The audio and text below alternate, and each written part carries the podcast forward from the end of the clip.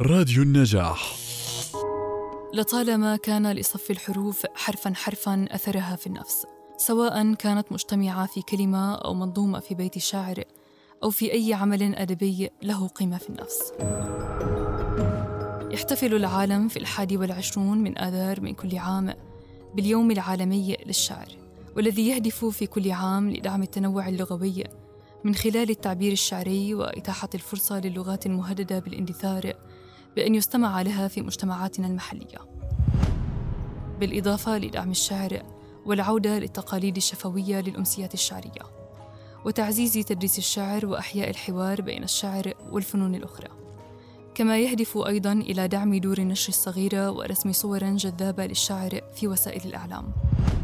تشجع اليونسكو الدول الأعضاء على القيام بدور النشط في الاحتفال باليوم العالمي للشعر. سواء على المستويين المحلي والقطري وبالمشاركة الإيجابية للجان الوطنية والمنظمات الغير حكومية والمؤسسات المعنية الخاصة والعامة. في هذا اليوم لابد أن نستذكر جمال المعاني التي خلدتها فينا أشعار المتنبي وعنترة بن شداد ومحمود درويش والكثير من الشعراء السابقين الذين تركوا بصمتهم في نفوسنا وفي سلوكنا. وأنتم مستمعون شاركونا بأجمل أبيات الأشعار التي تحفظونها.